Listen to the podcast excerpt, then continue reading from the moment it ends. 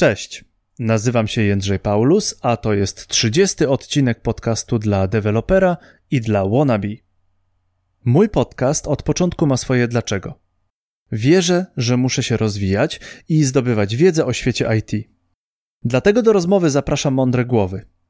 Zadaję im pytania, wyciągam od nich wiedzę, a nasze konwersacje nagrywam i publikuję w formie podcastu, aby każdy mógł posłuchać, zainspirować się do nauki, tworzenia czy do biznesu.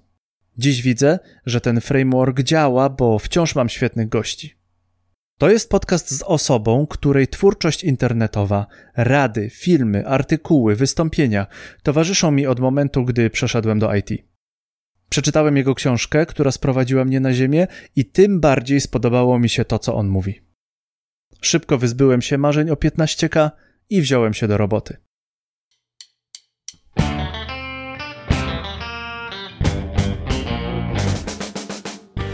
Maciej Aniserowicz od pewnego czasu propaguje ideę Slowbiz jako podejście do robienia biznesu. Maciej wierzy, że można robić interesy inaczej, wolniej i bez spiny.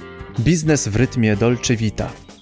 Ja spytałem się go, czy można się przebranżowić w stylu Slowbiz i Volmo, o których wspomina w swoich vlogach. Jak zwolnić w czasie przebranżawiania się, gdy świat leci do przodu? Czy w ogóle jest szansa na zwolnienie, na robienie wolmo, gdy uczysz się, a w technologii codziennie pojawia się coś nowego? Porozmawiamy o wizji krytycznego myślenia, kwestionowania autorytetów oraz pieniądzach na usługach człowieka. Zapraszam do wysłuchania podcastu z Maciejem Aniserowiczem. Siema, Developer Wannabe Podcast, Maciej Aniserowicz. Ale się cieszę, że tutaj jesteś, bo jesteś jednym z kilku osób, które spowodowały, że ja tutaj jestem. Wow, jak no i... grubo zaczynamy, dziękuję bardzo. Nie, ja tak e, od serca, od serca z taką czystą sympatią do ciebie podchodziłem i od serca wyrażam takie, takie jakieś e, miłe podziękowania, miłe myśli w twoją stronę, że fajnie, że robisz to, co robisz i fajnie, no ale wiesz co, jak tak do końca by pomyśleć, to jako, że tutaj jestem ja przez ciebie, to twoja wina w ogóle, że to, że teraz gadamy. Sorry. nic się nie dzieje moim zdaniem w taki sposób. Ktoś tam może sobie ten dorzucić ewentualnie e, kamyczek jakiś może, ale to wszystko jest twoją winą. Więc to twoja wina, że no. ja tu jestem, ale... Zdrowie. Ja, ja wodę, a ty? Wodę, wodę też, tak jest. Woda niegazowana. Witamy Was wszystkich. E, witamy osoby, które, które nas oglądają. Maciej Aniserowicz, przedstawiać Cię, no chyba nie musimy. Jesteś człowiekiem, co, którego słucham od lat, który jest w jakiś sposób winien tego, tak jak powiedziałem, że tutaj jesteśmy, ale też jesteś człowiekiem, który, którego książkę przeczytałem i Twoja książka Zawód Programista dużo mi dała, nawet mi mocno wyprostowała, nawet mi dużo rzeczy wyprostowała w głowie związaną, związanych rzeczy z, z przebranżowieniem się. O, super. A mimo wszystko tu jesteś, to spełniła swoją rolę. A mimo wszystko tutaj jestem, tak. Połowicznie. Jakimś stricte stuprocentowym programistą to ja nie jestem, ale kiedy jakiś czas temu stwierdziłem, że kilka lat temu stwierdziłem, że muszę się przebranżowić, to tak zacząłem szukać jakichś mądrych książek, trafiłem na twoją, potem się Aniserowicz zaczął pojawiać u mnie coraz częściej w domu. Potem już moi bliscy wiedzą, co to jest Aniserowicz, kto to jest Aniserowicz, co to jest DevTalk. To jak wiesz, wejdziesz na nieodpowiednią stronę i tam kuki ci się przyklei, co nie? To potem wszędzie już. to będzie Aniserowicz, tak. tak. Tak, tak, tak. To, te kuki to robią, to robią fajne rzeczy. No to co, oprócz tego, że jesteś człowiekiem z DevTalku, to, yy, to tak naprawdę nie będziemy rozmawiać dzisiaj o tym, jak się uczyć programowania, bo, no bo to nie są takie już rzeczy, które myślę, myślę, żebyś się nie zgodził na ten podcast, jakbym się ciebie spytał, Macie, jak się uczyć programowania. Jak się uczyć? Ja... O tym zostało z mojej perspektywy już wszystko powiedziane i napisane, i nagrane, jak się mhm. uczyć, y, ale to w sumie, to, to wiesz doskonale, że jak się uczyć po prostu robiąc to, nie? I tak, tak naprawdę to jest, no nawet niekoniecznie zasuwając, ale po prostu robiąc to w praktyce. Samo uczenie się dla uczenia się nie prowadzi zbyt daleko. To dopiero wtedy, jak zaczynamy faktycznie wdrażać tę wiedzę w praktyce, to wtedy następuje ta prawdziwa nauka. Dopiero po jakimś roku nauki programowania to, to rozumiem i to jest Fajnie, że fajnie, fajnie, fajnie korzystać z takich fajnych myśli człowieka doświadczonego. A no mi zajęło to dłużej niż rok, tak. No bo ty wcześniej zaczynałeś i niektórzy programiści mówią, a to teraz to się tam nauczyć, teraz to się nauczyć możesz w ciągu pół roku tam programowania. Kiedyś to było, no nie to co teraz. No, kiedyś nie było Stack Overflow i Facebooka, to, ale... I tej, tej, e, tej e, wtyczki do, e, do niektórych programów do programowania E, do VS Code'a, która ściąga od razu rozwiązanie ze Stack Automatycznie, tak jest, tak, tak, tak jest. Tego nie super. było i to też miało swój urok, jak tego nie było, ale jestem daleki od takich stwierdzeń. Kiedyś moja babcia mówiła, że ja nie wiem, co znaczy prawdziwe życie, bo nie wiem, jak to było za drugiego Sowieta, nie? To taka narracja do mnie nie, nie przemawia. Każde czasy mają to, swoje e, chyba, wady chyba i zalety. Każde, chyba każde pokolenie ma, kiedyś to było, nie to -huh. co teraz. To, o czym ja chciałem dzisiaj z Tobą porozmawiać, to o czym rozmawialiśmy wcześniej, jak kiedy to było? Trzy miesiące temu powiedziałeś, że, że może wystąpię. I ja akurat wtedy byłem przy kąpie i mówię, dobra, to ja Niserowicza biorę, chodź do mnie, zapraszam. Jakoś tak, może tak. Chciałem porozmawiać o tym, co teraz Cię zajmuje mocno. O tym, że co tydzień wyskakujesz w mojej skrzynce. O tym, że rozwijasz Volmo. To może Volmo podejście slowbizowe, Volmo to nie jest takie najbardziej na świecie to nie jest nic takie, takie, takie odkrycie Ameryki, ale, ale ty to fajnie przez siebie przepuszczasz i fajne, fajne rzeczy opowiadasz. Przebranżowienie. Przebranżowienie, czy da radę czy da radę się przebranżowić Volmo, czy da radę wtedy zrobić z tego slowbiz? To jest główny temat dzisiejszej rozmowy według mnie. No, okej, okay. dobry temat. Tak może słowem wstępu, co to w, o co w ogóle chodzi z tym Volmo i Slowbiz? E, The floor is yours. Chodzi. Potem będzie mic drop, ale mam go w uszach, to będzie ciężko. E, głównie chodzi o to, żeby nie być dla siebie katem, nie być dla siebie takim żandarmem, jak w obozie koncentracyjnym, i żeby nie być dla siebie taką, z takim złym panem od WF-u, który tylko krzyczy, że za mało przysiadów, tylko żeby dla siebie być przyjacielem. I nie spinać się i nie koncentrować się tylko i wyłącznie na jakichś tam przeogromnych celach, które sobie ustalamy, bo nam się wydaje, że tak trzeba, tylko żeby faktycznie zapytać siebie, czego ja tak naprawdę chcę. Okaże się u większości osób, że nie wiem i że te cele, które mam, to wcale nie są moje cele, tylko to są jakiegoś pana z YouTube'a czy pani z Facebooka, bo tak mi się wydaje, że tak trzeba. I jak nam w tym kierunku i tak naprawdę niepotrzebnie. I w, w całym tym podejściu moim, które pokazuję, w, które ja promuję w kontekście akurat biznesu, e, no, właśnie chodzi głównie o to, nie? że nawet w biznesie, nawet przy jakichś tam większych pieniądzach wcale nie trzeba się zażynać. Przy, przy faktycznie jakichś tam cięższych e, czasach może być dużo pracy, ale że to nie jest tryb domyślny.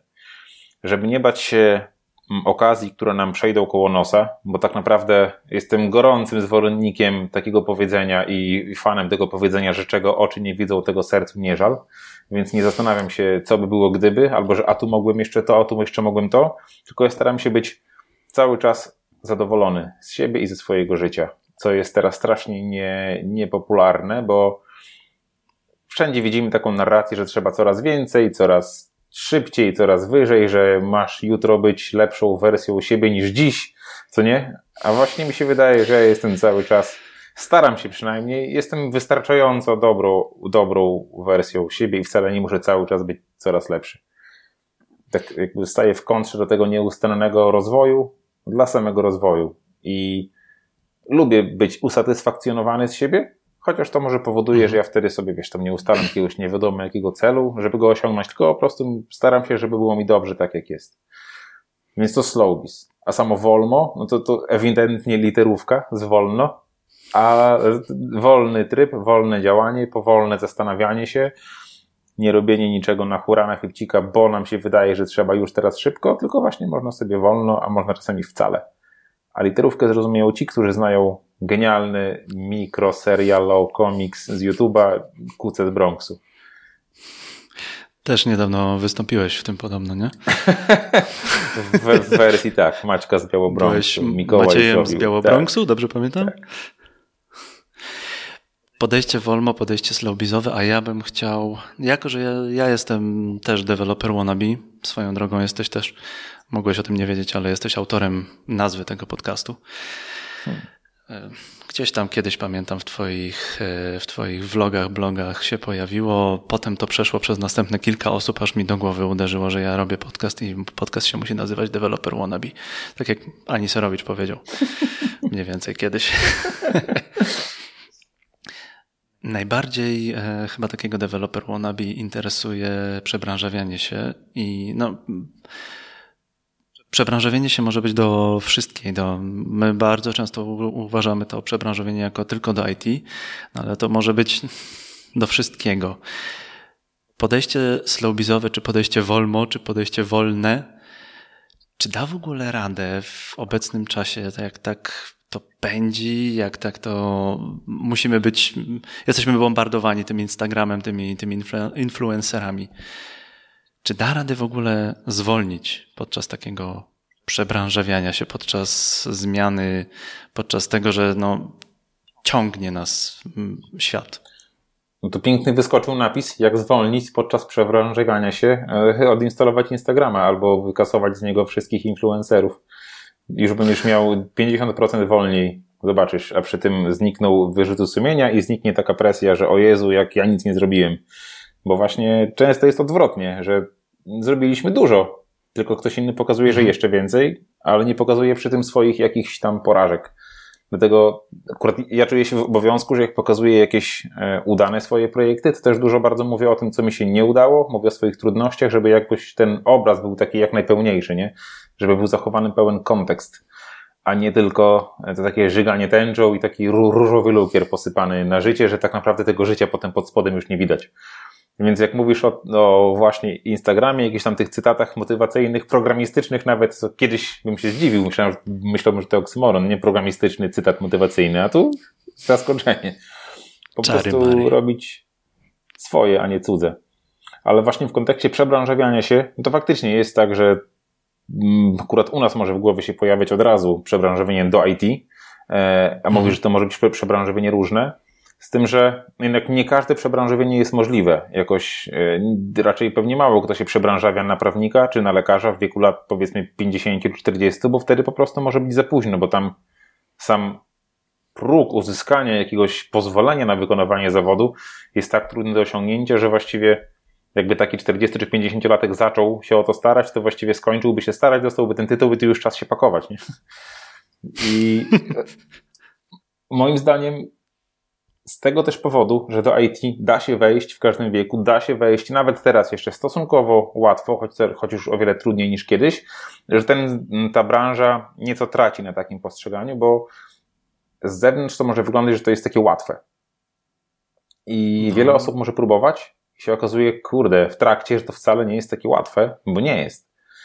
Nie jest. I mam znajomych takich dość bliskich, którzy to robili, którym to się udało, którzy są w moim wieku, więc są dość wiekowi, ale to im zajęło faktycznie lata pracy, to, im, to ich kosztowało dużo wyrzeczeń, dużo kasy, to ich kosztowało dużo bardzo pracy. I teraz faktycznie są tymi programistami, pracują w tym IT, ale to nie była taka bułka z masłem, jak można wyczytać w różnych reklamach. Mm, które po, mhm. oprócz tych motywacyjnych cytatów programistycznych na Instagramie też często wyskakują i tak zaburzają e, spokój we wszechświecie. Mamy pytanie od Kingi. Dzień dobry, Kinga. Dzień dobry, Kinga. Widzisz to pytanie? Tak. Ale może. ile poprzedni tryb. To pozwól, pozwól, mhm. że ja przeczytam. Na ile poprzedni tryb, czyli ustalanie kierunku z określeniem czasu realizacji celów ułatwia Ci pracę teraz? A mianowicie, czy coś z poprzedniej wersji działania zostało i czy żałujesz tego, że funkcjonowałeś w takim trybie? Mm, nie żałuję niczego, bo wszystko, co robiłem, nawet jak to było głupie, to prowadziło do, do tego, gdzie jestem teraz, a teraz jest mi dobrze. E, I na pewno sporo mi zostało z poprzedniego mojego trybu, tylko można ten tryb zdefiniować na wiele różnych sposobów, nie? bo poprzedni tryb to było przede wszystkim robienie jak najwięcej wszystkiego, bez zastanowienia się po co i bez mhm. Takiej akceptacji, że może mi się nie udać, albo że może być mi za ciężko. Dla mnie wtedy nie było za ciężko. Ja wtedy po prostu w takim razie będę spał jeszcze godzinę dziennie mniej, ale zrobię. Teraz biorę na siebie o wiele mniej rzeczy, o wiele czasu więcej mam dla siebie właśnie i musiałem od nowa uczyć się relaksu tak naprawdę. Od nowa musiałem nauczyć się regeneracji, od nowa musiałem uczyć się e, dawania sobie chwili oddechu, bo kiedyś nie było na to w ogóle miejsca w moim życiu, bo cały czas było tak dużo do zrobienia. I te określanie tam kierunki, określanie celu, określanie czasu realizacji i tak dalej, to było pomocne. Jeśli chciało się zrobić jak najwięcej, tylko właśnie to założenie samo w sobie, teraz widzę, że ono nie, nie było najlepsze z możliwych. Może to mi się znowu kiedyś odmieni, bo w sumie e, życie cały czas jakoś tam płynie i mo moje postrzeganie różnych tematów się cały czas zmienia, ale wydaje mi się, że do, do tego raczej już nie wrócę. Do jakichś tam chorych ambicji, do ciągłego porównywania się z innymi, do niedoceniania tego, co sam zrobiłem i osiągnąłem. Bo właśnie też tak miałem, że niezależnie od tego, jak dużo zrobiłem, to na koniec dnia szedłem spać z myślą, kurde, a ktoś tam zrobił 10 razy więcej, bo tak wyskoczyło gdzieś na jakimś YouTubie, nie? E, podczas gdy to ja często sobie... w ogóle nie było prawdą. Ja sobie staram dawać radę z tym, e, z tym porównywaniem się, robiąc mm-mm, mm-mm, żeby sobie przypomnieć, że się nie porównuje i wiesz, jeszcze jakaś taka tam, nie wiem, pamięć mięśniowa wtedy w głowie wchodzi, jak ja sobie robię mm-mm, ja już zrobiłem dużo, mm-mm, ja już tam, nie wiem, dzisiaj się dużo pouczyłem, dzisiaj się, dzisiaj dużo zrobiłem, dzisiaj napisałem dużo, dzisiaj nagrałem dużo. No właśnie. To mi dużo... pomaga. Masz jakiś taki sposób, taki jakiś łopatologiczny sposób, żeby się nie porównywać, albo żeby sobie przypominać, że nie musisz się porównywać? Ja mam nawet problem z samym tym przekonywaniem samego siebie, że zrobiłem dużo. Bo gdzie jest powiedziane, że ja muszę robić dużo? Właśnie mhm. moim zdaniem nie jest powiedziane i są różne dni. Czasami faktycznie jestem w stanie zrobić bardzo dużo, a czasami nie. I to też mm, ogólnie i przy porównywaniu się pomaga coś takiego jak akceptacja wszystkiego prostu, że raz jest lepiej, raz jest gorzej. I pewnie z dużym trudem przyszłoby mi to, nie wiem, 10 lat temu, do, dojście do takiej postawy, jaką mam teraz, dlatego że wtedy miałem o wiele więcej sił i energii. Ja teraz widzę, e, znaczy, nie wiem w sumie ile ty masz lat, nie wiem czy tak wypada pytać na antenie, ale ja coś miałem takiego jak po prostu w dniu 30 urodzin, takie mhm. i się okazało, że o połowę mniej energii mam niż miałem. Dosłownie tak to było w ciągu miesiąca, nie? Gadałem z ludźmi, którzy są po 40, że przy 40 jest jeszcze gorzej, nie? że o kolejną o połowę spada. Więc jak faktycznie kiedyś mi tam ta energia rozpierała, to coś trzeba było z nią zrobić, a ja to ją tak pożytkowałem po prostu programując non-stop albo robiąc dużo innych różnych rzeczy, które teraz z perspektywy czasu widzę, że były bez sensu. Że jakby one mm, przyniosły mi coś tam w długim w długim okresie czasu, bo właściwie wszystko ma jakieś konsekwencje i to wszystko, tak jak mówiłem wcześniej, prowadzi nas do tego miejsca, w którym jesteśmy aktualnie. Ale gdybym tych rzeczy nie robił, na przykład kiedyś miałem taki dość długi i intensywny romans e, z blogosferą parentingową. Miałem swój blog parentingowy, który kosztował mnie masę pracy i wysiłku. Miałem swój portal parentingowy, który agregował blogi parentingowe z całej Polski. Był nawet dość popularny swego czasu. I to było fajne, to mi coś tam dało, ale gdybym tego nie zrobił w ogóle, no to, to, to teraz wątpię, żebym był w jakimś gorszym miejscu niż, niż jestem. A to zjadło mi strasznie dużo życia. Więc to jest też kwestia takiej właśnie akceptacji, że wcale nie muszę, dużo wcale nie muszę, jak najwięcej, żeby tak słuchać siebie cały czas. To tak filozoficznie trochę tutaj będzie. A ja myślę, że możemy sobie pofilozofować, bo wiesz co, tak e, oprócz tego, że musisz mieć ja widzę w IT, że musisz mieć te twarde, twarde umiejętności, że musisz rozpykiwać te wszystkie możliwe e, kubernetesy. To ja mam wrażenie, że coraz, że, że mnóstwo osób zapomniało o mindsetie, o tym, żeby, żeby w głowie było poukładane, a dopiero jakoś poukładanie w głowie, spokój w głowie o wiele lepiej chyba wpływa na to, że znowu banał, ale chyba poukładanie w głowie o wiele lepiej wpływa na to, że, że ci się lepiej uczy, że masz spokojniejsze podejście, że nie masz spiętych pośladów, że tak powiem. No na pewno. No, do, to, znaczy- jest, to, to, jest pytanie, do, to jest pytanie od, do ciebie od mniej więcej od Zdzisława z Dzichu Torpeda. Pozdrawiamy cię. Cześć. Mówi o, wy, o wy, wysokich wymaganiach. Jak się, w sumie mówiliśmy wcześniej o tym Instagramie, jak się odłączymy od tego fałszywego obrazu branży, to się okaże, że tak naprawdę ogromna większość programistów pracujących sobie szczęśliwie wcale nie jest na 100 konferencjach rocznie, wcale nie e, czyta 10 blogów tygodniowo, wcale nie nagrywa podcastów, wcale nie robi nic poza pracą, bo to jest po prostu praca. I ja nie zachęcam mhm. do tego, żeby nie robić nic poza pracą, jeśli ktoś chce robić coś poza pracą, ale że to nie jest wcale żaden wymóg. Warto jest to robić, jeśli ma się jakieś ambicje stricte związane z IT. No ja bym nie był teraz tu, gdzie jestem, gdybym nie robił czegoś poza samym programowaniem zawodowym, ale jednak bardzo wiele osób nie robi niczego poza programowaniem, programowaniem zawodowo i im wcale nie jest źle. Tak samo, no, kiedyś widziałem taki fajny obrazek, jak re rekruter pyta programistę, a co pan ostatnio poprogramował po godzinach? A programista do niego, a kogo pan ostatnio zrekrutował po godzinach? To jest po prostu praca, nie? I faktycznie y, cały czas coś nowego się pojawia, ale większość projektów, nad którymi się pracuje na co dzień, wcale nie ewoluuje tak szybko. Te technologie wcale nie, chodzą do, nie wchodzą do projektów produkcyjnych tak momentalnie i są po prostu różne osoby. Jedni lubią babrać się w nowościach, w czymś, co jeszcze nie działa, w jakichś tam alfach i betach, nie? A inni wolą po prostu zrobić swoje i iść do domu. Ja miałem różne etapy w swojej karierze. Miałem i taki, i taki. Kiedyś myślałem, że wszyscy powinni pracować po 12 godzin na dobę i cały czas się dokształcać. Inni, e, a, i, że dla innych nie ma miejsca w branży. Potem uważałem, że w ogóle to, to, to, to jest zbyt męczące, a po prostu każdy ma różnie, każdy ma inaczej i tyle, nie? I po prostu nie ma co się oglądać na to, że tyle się tego strasznie dużo pojawia. A że w ogłoszeniach o pracę, tak jak Zdzisław pisze, faktycznie jest, że chcemy od ciebie i Java, i C++, i Kubernetesa, i Big Data i tak dalej, ale na stanowisko juniora, tylko że z rokiem doświadczenia, no to jest po prostu bzdura, no.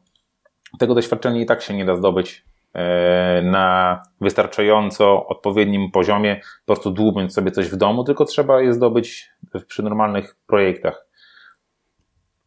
Więc... No to to jest chyba pytanie o to, co robić, co robić, gdy o, o, napotykasz taki opór materii. To jest następne, następne pytanie, które chciałem Ci zadać. Opór materii ja rozumiem przez to, że albo w głowie Ci się to nie mieści, albo twierdzisz, że to nie Twoje, albo nie jesteś w stanie jakiś zrozumieć tych, tych, tych, tych wszystkich rzeczy, które Cię otaczają, bo wchodzisz w zupełnie nowe programistyczne środowisko. Wchodzisz w IT i po prostu ja nie rozumiem, nie łapię. Zresztą z każdym kolejnym, może nie miesiącem, ale kwartałem, czy na pewno rokiem jest coraz łatwiej. Nie? Jak ja tam pamiętam mm. swoje początki, gdzieś tam, na, ja w sumie dość późno zainteresowałem się programowaniem, to było już na jakimś drugim roku studiów, więc byłem już wtedy dość stary, jak w ogóle zaczynałem swój pierwszy kod sensownie pisać no to pamiętam, że to było dla mnie przerażające, bo nic nie rozumiałem. Nie? Tam widziałem, że niektórzy koledzy już pracują od kilku lat, już tam od liceum, jeden nawet od podstawówki, a ja dopiero zaczynam i że już dla mnie jest za późno. Więc jestem w stanie zrozumieć osoby, które tak się mogą czuć, przebranżawiając się do IT, ale po prostu trzeba robić swoje i to jest z czasem coraz, może nie łatwiejsze, ale coraz bardziej e, do strawienia i każda kolejna umiejętność, każda kolejna technologia, kolejny język, kolejne narzędzie, to wszystko przychodzi później coraz łatwiej. Ale to frycowe trzeba zapłacić. Ale tak samo jest w każdym innym zawodzie, w każdej innej branży, że jak nie wiem, ostatnio oddawałem do kaletnika swoją kurtkę, to on po prostu bierze kurtkę i ją teraz tam odświeża pewnie w ciągu dwóch godzin. Jakbym oddał, a jakbym sam do, do tego usiadł, albo był, wziąłby to ktoś, który dopiero zaczyna, to by się z tym pewnie tam woził całe dwa dni. No więc to jest kwestia po prostu praktyki. Ale to o to, od czego zaczęliśmy rozmowę. Programowania uczymy się programując przez praktykę, a nie oglądając tylko e, wideo na YouTubie. I wtedy tak naprawdę widzimy, co działa, co nie działa, jak to naprawić, z czym to się je. A jeszcze jak mamy projekt, produkt, nad którym możemy pracować tak produkcyjnie, to to już w ogóle jest rewelacja. Ale je, je, tak. jeszcze bym myślałem sobie, że od tego zaczniemy, a jakoś tak to umknęło, bo mówimy o tym przebranżawianiu się cały czas do ID, ale jestem wielkim zwolennikiem tego, żeby zapytać siebie, dlaczego ja w ogóle chcę się przebranżowić, dlaczego akurat do IT i po co. I mi się wydaje, że takiej refleksji bardzo często brakuje. Widzę to nawet po mailach, które dostaję, po jakichś wiadomościach na Messengerze, które do mnie przychodzą.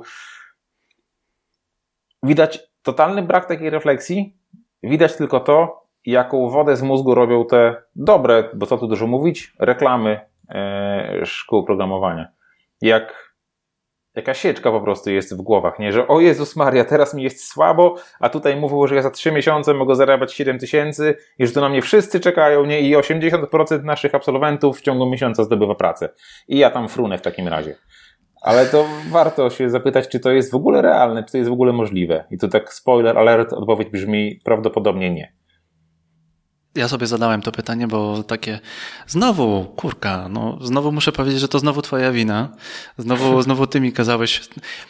To jest fajna rzecz. To jest fajna rzecz, że od jakiegoś czasu tak fajnie krąży informacja. Mamy taki do, dostęp do, do mediów i możemy sobie wybierać te media, że y, ja wybrałem sobie DevTalk, czy tam, czy, czy, czy twoje daily vlogi, żeby sobie, żeby sobie pomyśleć. miałeś taką długą serię o przebranżawianiu się dla juniorów. Długą serię o tym, no to co było, czego ukoronowaniem był, y, był kurs y, z Korsanem. Mhm. To była super rzecz i muszę ci powiedzieć, że na samym początku u mnie, u mnie była kasa. Bardzo. Bardzo. Znaczy, w, ty, w kasie I... kasa jest zajebista, w kasie nie ma nic złego, nie? No, tylko nikt jej nie za, Zaraz do tego dojdziemy, sekunda. Okay. Zaraz, zaraz do tego dojdziemy, tylko widzisz, to też zostałem na samym początku skuszony tymi ach, 15k i w ogóle. I o tym mi jeszcze koledzy mówili. Mm, sytuacja wyglądała tak, że po prostu wychodziłem z firmy, zostałem zwolniony z jakiejś tam firmy i e, myślę, dobra, to do IT, bo, bo tam się najlepiej zarabia, bo kasa, bo kasa, bo kasa. I potem koledzy mówili, ale będziesz miał fajnie, bo teraz się rok pouczysz, a za rok będziesz miał 15k. I ja jeszcze w to wierzyłem. Dopiero potem Aniserowicz się pojawił na moim telefonie podczas zmywania naczyń, to pamiętam. Bo mam taką fajną półeczkę, gdzie, gdzie stawiam sobie, gdzie stawiam sobie e, telefon i albo lecą podcasty, albo, albo leci jakiś konkretny, fajny, fajny program na YouTubie. I tam mówiłeś, zastanów się, zastanów się, zastanów się. I tutaj jednak na szczęście nie tylko kasa, a, a takie, taki pęd do technologii, do tego, że mi się podoba tworzenie mi się podoba. Mnie, mnie kręci to, że coś, coś się rozwija, że, że możesz tam, wiesz, napisać kilkadziesiąt rzeczy i, i nagle coś się dzieje, coś z kimś, coś z czymś współgra i potem się kombinuje. Masz władzę nad tą maszyną, nie? Która przez całe życie no, się no. zawieszała, a nagle tyłu za mordę i mówisz, tak. teraz będziesz robić tak, jak ja ci każę. To jest faktycznie no, piękne. Daj, daj, daj, daj, daj, daj no Boże, że tak się będzie działo, bo potem się milion razy najpierw nie działa, no, jasne. potem działa, nie? Znaczy, bo wiesz co, bo e, często takim tak. argumentem, że ja chcę do IT jest właśnie po pierwsze kasa, to, to, to, to, to, to zawsze, po drugie praca zdalna, po trzecie elastyczny czas pracy, mhm. a po czwarte jakieś tam owocowe wtorki, piłkarzyki, to, że tam wcale wiele nie trzeba robić i tak dalej, nie? I o ile z tym, że wiele nie trzeba robić, to faktycznie w jakichś takich najgorszych kołchozach to tak jest, że się idziesz tam, nic nie robisz, ale to, to ja miałem tak przez kilka miesięcy, nie polecam, ale te wszystkie warunki wcześniejsze one nie są tylko w IT. To nie jest jakieś, nie wiadomo, jakieś czary mary, jakaś magia, że żeby dużo zarabiać i, rob, i lubić to, co się robi i pracować zdalnie, że to trzeba koniecznie do IT. Tylko to jest kwestia pozycji, jaką sobie wypracujesz w firmie.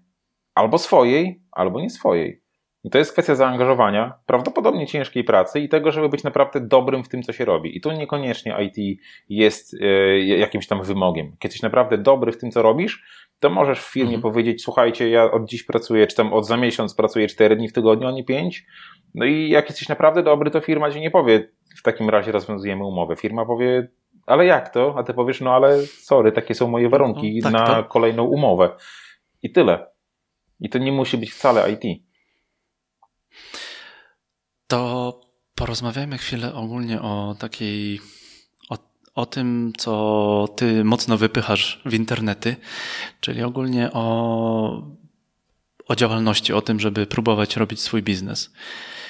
I tutaj pytanie dalej będzie o przebranżowieniu się, ale jednocześnie, czy w jakiś sposób jesteś w stanie, może, nie wiem, może dasz e, radę osobom przebranżającym się, czy kiedy przebranżawiasz się, kiedy, kiedy zmieniasz pracę, kiedy wchodzisz w nowe środowisko, da radę jeszcze myśleć o tym, żeby coś rozkręcić na boku, że tak powiem, jakiś, jakiś geszeft, jakiś, jakiś biznes na boku, zacząć, zacząć kombinować? No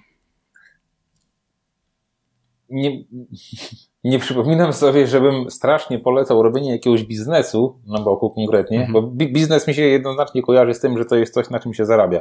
Bardzo zachęcam, żeby mhm. robić coś na boku, ale niekoniecznie to musi być biznes, tylko po prostu robienie czegoś na boku, byle z rozsądkiem, prowadzi do jakiejś tam satysfakcji, do budowania sobie jakiejś tam drugiej nogi i co dla mnie jest bardzo ważne, do budowania swojej niezależności względem aktualnego pracodawcy. I mhm. to daje świetną pozycję negocjacyjną, nawet do tego, żeby właśnie co jakiś czas powiedzieć, że ja pracuję teraz 4 dni w tygodniu, a nie 5.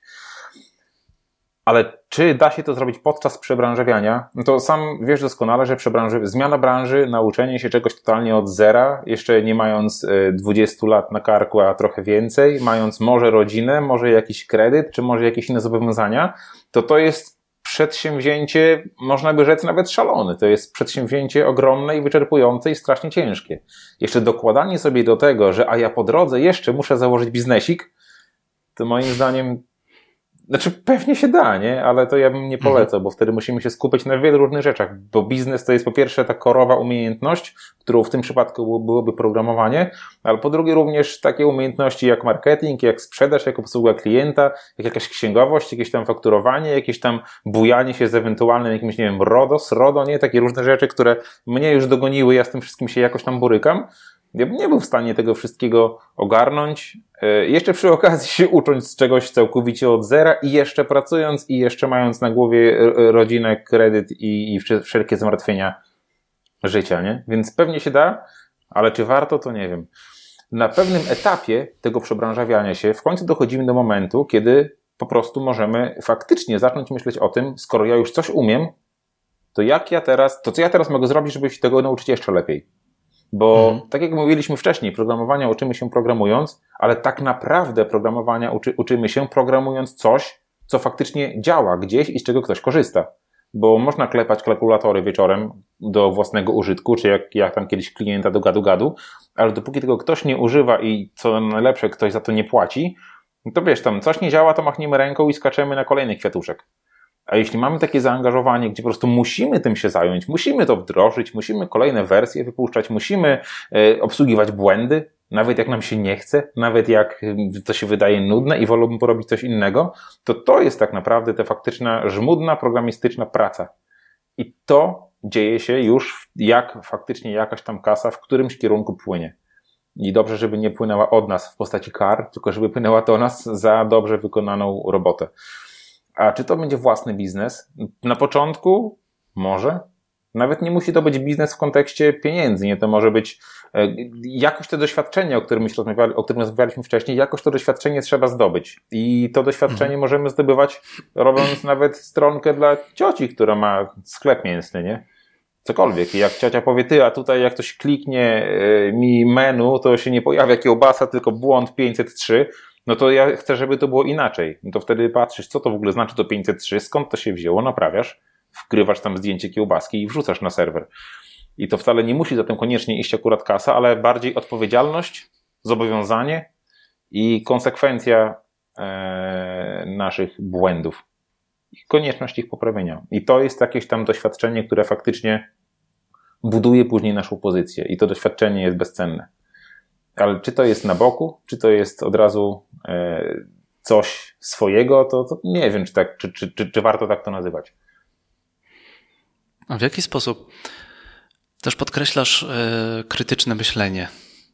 Mógłbyś rozwinąć ten temat jeszcze, jeszcze bardziej? Krytyczne myślenie to jest z jednej strony na pewno e, odinstaluj sobie Instagrama i myśl po swojemu.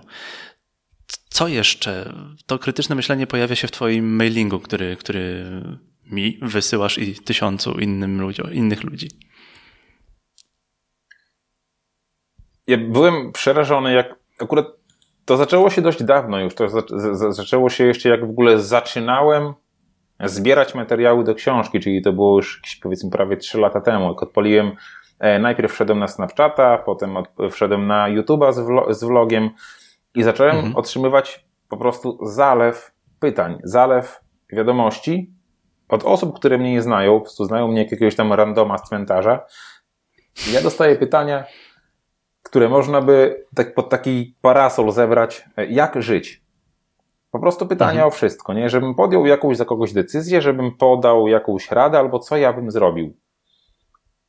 I uznałem, że to jest dość straszne, bo jak sobie uświadomimy, że tak naprawdę nikt nam nie powie, jak żyć, tylko to życie na tym polega, że to my mamy zdecydować, to wtedy odzyskujemy po pierwsze takie trzeźwe patrzenie na świat, że tak naprawdę nikt nie wie, co gada i nikt nie ma racji. Rację, ma, rację mam ja, dla mnie, ale dla nikogo innego nie muszę mieć. Tak samo rację masz ty dla siebie i tak naprawdę mamy niewielkie szanse na to, żeby w pełni zrozumieć drugą osobę.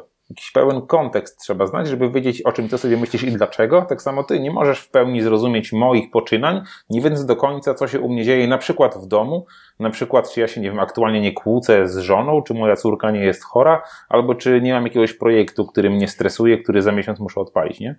I takiego pełnego kontekstu nigdy nie znamy, więc pytanie kogoś o radę jest często bez sensu. I udzielanie rad komuś też jest często bez sensu, bo po prostu warto zrobić tak, jak nam się wydaje i potem żyć z konsekwencjami. Ewentualnie e, podjąć inną decyzję za chwilę i żyć z tymi innymi konsekwencjami. I krytyczne myślenie e, jest taki piękny cytat: Think for yourself, question authority, autorstwa Timothy Leary, który strasznie z narkotykami eksperymentował i źle skończył finalnie, ale akurat ten cytat mu pięknie wyszedł. On właśnie na tym polega, że to jest trudne, ale musimy zaakceptować to, że nikt nie ma racji. A szczególnie e, ci, którzy uważamy, że mają. Jak, jak zaczniemy kwestionować to, co do nas dociera, przepuszczać to przez nasze własne filtry i nasze doświadczenia, w ogóle damy sobie na to pozwolenie, że ktoś tam ma więcej subów na YouTube, wcale nie znaczy, że on jest mądrzejszy. Wręcz przeciwnie mhm. może to znaczyć. Może to znaczyć tylko tyle, że robi jakieś głupoty, które ludzie oglądają dla beki, nie? I dlatego tam klikają suby nikt za nas nie rozwiąże problemów, jakie mamy w swoim życiu. I szczególnie w takiej sytuacji jak zmiana branży, co może być traumatycznym i strasznie trudnym przeżyciem, mi się wydaje, że to jest bardzo cenne. To tę drogę może utrudnić, ale dzięki temu tę drogę bardziej możemy my docenić, przechodząc ją. Że to faktycznie przeszliśmy swoją drogę, a nie cudzą. To ja mogę. Nie wiem, czy się nie zgubiłem po drodze, ale. ale Zgubiłeś się to... odrobinę, ale ja ci teraz wyprostuję. O co, o co mi chodziło?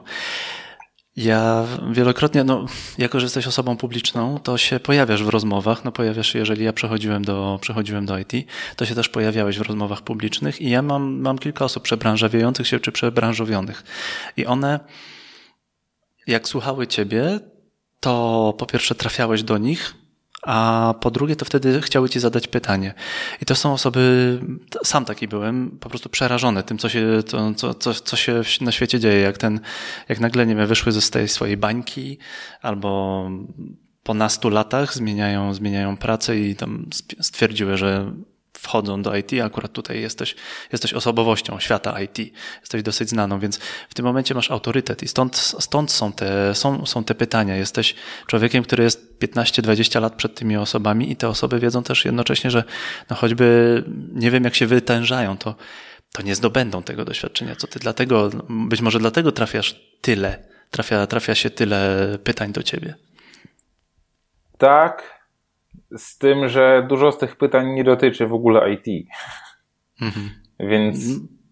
Ale są dookoła, dookoła, bo to wtedy IT sobie rośnie, a dookoła jest życie, nie? No, życie, życie. Znaczy, się... to, wydaje mi się, że po prostu jesteśmy bardzo rozpieszczeni tym, że każdy po kolei w internecie mówi nam, jak żyć i co robić. Każdy po kolei w mhm. internecie mówi nam, co on uważa i że to jest słuszne. I być może mój przekaz trafia, dlatego że ja cały czas mówię, że ja nie wiem, czy to, co ja mówię, to jest, to się sprawdzi. Ja cały czas mówię o swoich decyzjach, o konsekwencjach, które ja ponoszę, a czy u kogoś będzie tak samo? No skąd ja mam wiedzieć? Warto zrobić, przekonać, ale może być zupełnie inaczej. To jest chyba też y, taki strach przed wyborem, przed zrobieniem wyboru. Może to jest, nie wiem, może mamy jakieś tam wychowanie, że, że nie wiem, mama za nas decydowała, albo nie wyrośliśmy się jeszcze z tego, że, może. że sam, sam, sam ty weź stary się w garści i zdecyduj, co będzie, to będzie, dasz sobie radę? Nie no to, to, właśnie to myślę, że to jest ważne i często ci ludzie, którzy się przebranżawiają, ile mają lat tam po 30, 40, nie wiadomo tam mm. ile, co nie, to wcale nie jest mało. I jak przez tyle lat nie zabili się własnymi rękami i jakoś sobie radzili z różnymi przeciwnościami życia, to sobie poradzą i dalej. Więc tak zaufać sobie w sumie. Jakiegoś ja teraz do siebie mam zaufanie teraz akurat ja mam dobrze pod różnymi względami, ale jak wcześniej miałem wcale nie tak dobrze, też, też miałem zaufanie, że sobie w sumie tyle lat radzę, różnie bywało, raz lepiej, raz gorzej, a ja sobie jakoś nadal żyję, to znaczy, że sobie poradzę dalej prawdopodobnie. Ale wydaje mi się, że ciężko jest taką postawę sobie wypracować, szczególnie gdy znów wrócimy do tych Instagramów, gdy, gdy wydaje się, że dookoła wszyscy wiedzą lepiej, nie? I kim ja jestem, żeby tak naprawdę, że, że, ja teraz nagle wiem, skoro nie umiem tego ubrać w tapetę, w kwiatki i wrzucić na Instagrama jako mądrość życiową. No to coraz częściej powinno to po, po tobie, po mnie spływać. No, u mnie już się udaje. Tak już sam, sam mogę powiedzieć, że u mnie się to udaje i to bardzo fajnie, że moi też domownicy mówią weź ty, weź ty myśl po swojemu i to jest, mhm. to, to, to, jest fajna, fajna rzecz, bo to wychodzi, że tak powiem, z mądrości od, od ludzi. No i to nie będzie lepiej, a nie gorzej. To to mi się wydaje też jest ważne podkreślenie, że to nie musi być jakieś, nie? To nie musi być, że zaraz sobie pomyślę, ciekawe co by było, gdybym zrobił jednak tak, jak ten ktoś mówił nie wiadomo co by było, nie da się cofnąć czasu, całego tego kontekstu z powrotem to da się tak w testach jednostkowych w programowaniu, że ładujesz sobie cały kontekst i sobie idziesz, nie? Czy tam w integracyjnych nawet bardziej i możesz e, stwierdzić jak jest lepiej, a jak jest gorzej. Tak normalnie w życiu to nie możesz czegoś takiego zrobić i mi akurat było trudno z tym się pogodzić. Ale kiedy przestałem analizować strasznie swoje poczynania, tylko zacząłem tak bardziej zastanawiać się tym, co jest aktualnie i czy ja mam się z czego cieszyć, to to mi dało takiej trochę mądrości może nawet, że nie mam czego żałować tak naprawdę, bo nie wiem jakby było, gdybym zrobił cokolwiek inaczej. To jeszcze trochę takich mądrości naszych. Podkreślałeś też w mailingu pieniądze na usługach człowieka. Cały weekend siedziałem i grzebałem w twoim mailingu. Wow. I jako, że Question Authority to yy, to ja spróbuję zakwestionować. Pieniądze na usługach człowieka, ja się z tym zgadzam, tylko nie da rady bez kasy. Żeby była kasa, to trzeba pracować. Mam złą robotę, no to nie lubię tej roboty, a jednocześnie muszę mieć kasę. Mhm. I wtedy ciężko wyjść z tego kręgu, bo kasa to jest praca. Praca musi dawać kasę, nawet jeżeli trudno mi zmienić, trudno mi rzucić pracę. Nie wiem, z jakichś dziwnych powodów, może nie dziwnych, z jakichś powodów nie mogę rzucić, rzucić roboty. I w tym momencie jestem w kręgu. Jak tutaj wyjść? No, no, gdybyś... Z takiego zaklętego kręgu. Pieniądze, kasa, wiesz, jedno z drugim działa. Wydaje mi się, że większość ludzi na świecie, gdyby mogło rzucić pracę, to by ją rzuciło. Więc to jest normalne, że nie mogę rzucić pracy. Tylko właśnie Często obserwuję takie dość roszczeniowe podejście, że oho, on mógł rzucić pracę, niekoniecznie jak ktoś tam inny mógł rzucić pracę, a ja nie mogę, nie? Ale smuteczek mhm. i tak już do końca życia będę taki smutny i w ogóle jest wszystko niesprawiedliwe. Podczas gdy możesz dojść do takiej pozycji, gdy pracę, gdzie pracę rzucisz, ale to nie musi być wcale jutro czy za tydzień, to może być na przykład za pięć lat. Tylko żeby mhm. to nastąpiło, a tak nie możesz teraz, to coś się musi zmienić, bo to e, autorem chyba wszystkich cytatów motywacyjnych w internecie jest Albert Einstein. I Einstein powiedział kiedyś, że e, tylko szaleniec robi te same akcje, oczekując różnych rezultatów. Więc jeśli jakoś tam żyjesz przez ileś tam lat i jest źle, no to musisz coś zmienić po prostu. I tu ciężko jest powiedzieć, co konkretnie. I to właśnie, tak jak wcześniej mówiłem, niekoniecznie przejście do IT, postanowienie teraz będę programistą, że to zmieni coś na lepsze. To na pewno coś zmieni, ale może zmienić na gorsze jeszcze, jak nie daj Boże nabierzesz kredytów, które tam świecą na tych stronach bootcampów, że tutaj radki, kurde, z RRSO miliard procent, ale za to ty to odrobisz w ciągu pół roku. Więc warto jest no sobie to uświadomić, że to po prostu może kosztować czasu, może kosztować wysiłku i że bez pracy ciężko może być czasami zmienić swoją aktualną sytuację, jeśli ona nie jest taka jak trzeba. Inna sytuacja występuje wtedy, gdy wszystko jest ok. I ja wtedy staram się właśnie z tym swoim wolno, z tym swoim slowbiz e, kierować taki przekaz do osób, że słuchaj, jak jest dobrze, to naprawdę nie musisz już dalej biec. Może już tam jesteś, gdzie chciałeś być przez tyle lat. Ale w, często dostaję taki zarzut w kontekście mojego właśnie slowbiz, że o, ty mówisz, że trzeba wol, może trzeba odpoczywać, się oszczędzać, a jak ktoś nic nie robi. No to wtedy jest prosta odpowiedź, no to z czego ma zwalniać? Żeby zwolnić, trzeba mieć z czego. I zachęcam jak najbardziej, żeby brać sprawy w swoje ręce, jeśli jest źle, i dbać o to i starać się o to, żeby było lepiej. Tylko warto mieć też jakiś punkt, taką, taką metę, taki punkcik, czego ja tak naprawdę chcę. I to nie musi być tam jakiś cel 10 razy moje aktualne możliwości. To może być coś dużo niżej. Jak do tego celu do, dotrę, to pocieszyć się tym, zatrzymać się, zastanowić się, czy ja chcę dalej, czy już jest ok. Mhm. I to dotyczy no, kasy też oczywiście. No. Dziękujemy Zdzisławowi za te miłe słowa, które nam, które nam całkiem niedawno wrzucił o wymianie, wymianie doświadczenia, nie mówienie zrób to. Fajnie, fajnie, fajnie, fajnie się gada, Ale tu tutaj się pojawia znowu Maciej Aniserowicz, który zarobił bańkę w trzy dni, a potem dzisiaj, dzisiaj jest 18 listopada i dzisiaj wyszedł podcast z Markiem Jankowskim. Maciej Aniserowicza z Markiem Jankowskim i tam jest chyba o 6 milionach w ciągu, w ciągu, w ciągu kursów. Tak. No rekord 2 miliony 200 tysięcy w jeden dzień. To faktycznie, to było boom. Wkurza to ludzi. Nie, zauważyłem. Nie? Nie. Znaczy, to tak, tak naprawdę to nie ma znaczenia, to co się teraz... Pomijając, pomijając hejt, taki, taki, taki wiesz, czysty, czy, czy, czysty, czysty zły hejt, tam od czasu do czasu wrzucasz takie, taką informację, że tutaj ładnie cię tak zhejtowali. Jak masz, za, Maciej Aniserowicz zarobił do, dobrą kasę w krótki, w krótki czas, to powstaje taka myśl, że no teraz to sobie możesz gadać o Wolmo. Tak. Mm. No i to właśnie, ja teraz to mogę mówić z jeszcze większą odpowiedzialnością, bo teraz wiem, jak to jest mieć naprawdę dużo pieniędzy i zdaję sobie mhm. sprawę z tego już teraz w praktyce, co one mogą zrobić z człowiekiem i jaką mam radość z tego, że ze mną tego nie robią. Jakkolwiek by to zakręcenie nie brzmiało. Rozwiń temat, rozwiń.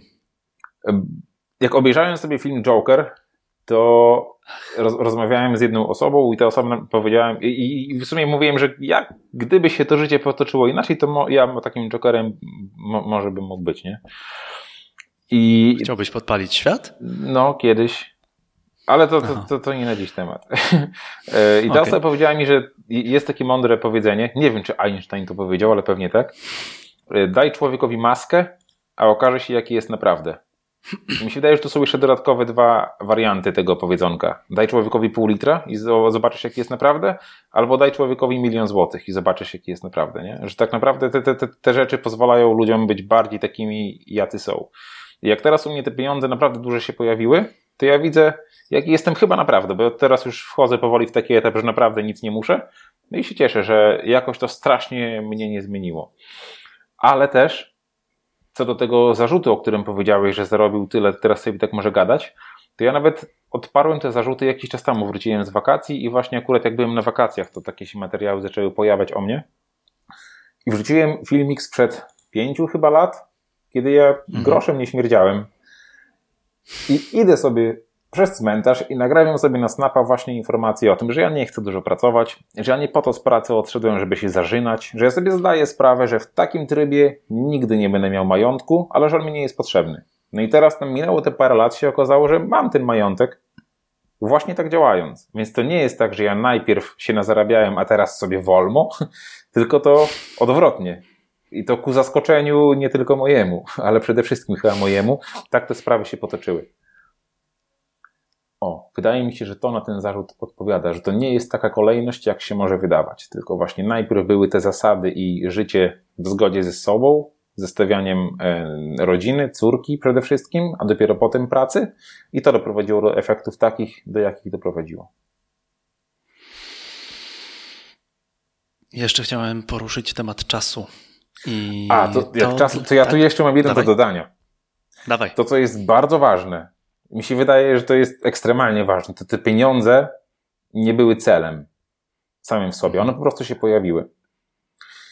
Jeśli ja bym żył cały czas z przekonaniem, że ja chcę mieć tych pieniędzy jak najwięcej, nawet nie wiedząc ile, nie? ile bym nie miał, to jest na pewno za mało, to ja bym nie był zadowolony przez ca- na, na, na, tej drodze. Też nie było tak, że ona była tam różami usłana, że cały czas byłem rozchachany, tylko miałem różne wzloty i upadki, co też na vlogu pokazywałem, ale to nie było tak, że cały czas myślałem o tym, że ja mam czegoś za mało.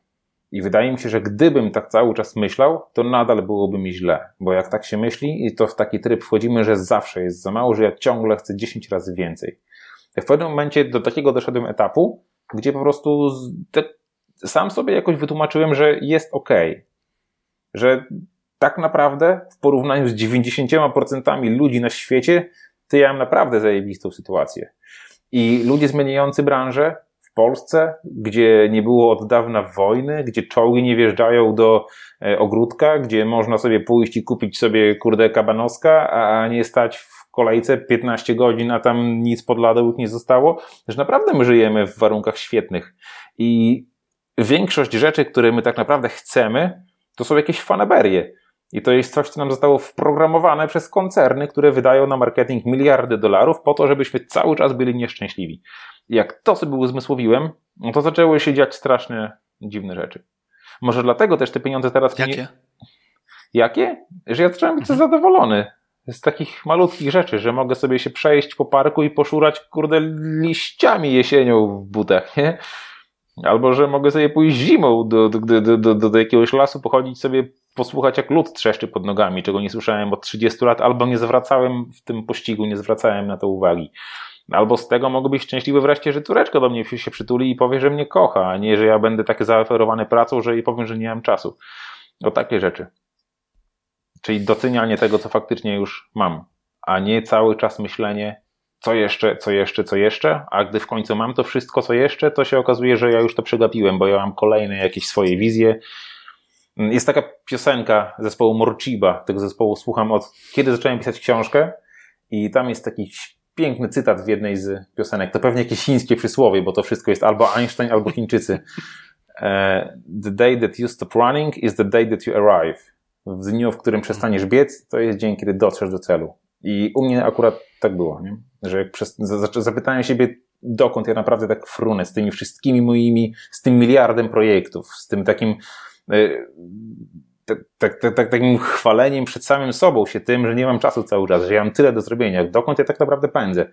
Się okazało, że już dawno ten punkt minąłem, tylko tego nie zauważyłem taki mindset, ja mam wrażenie, że potrzeba wszystkim chyba developer wannabe, że takie mam wrażenie z tego, co mówisz, tak jakby, jakby, jakby wyciągać te, te takie, takie bullet pointy, to to mnie interesuje. Ja, ja, ja może to powiem, a ty powiedz, co o tym myślisz, że no pierwsze to do roboty, drugie to są, nie wiem, zasady twoje, trzecie to jest wyłącz te Instagramy.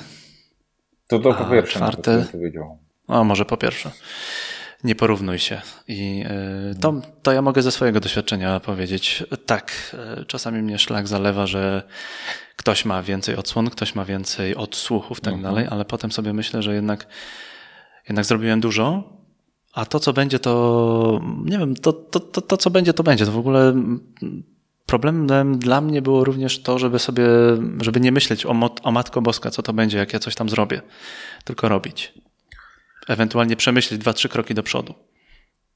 Ja na przykład teraz tak działam. Czasami lub, jestem pytany, co dalej, co za pół roku, co za rok, czy za pięć lat. Nie mam pojęcia, co będzie za pięć lat. Ja nie wiem, co będzie. Dzisiaj jest 18 listopada, ja nie wiem do końca, co będzie w grudniu.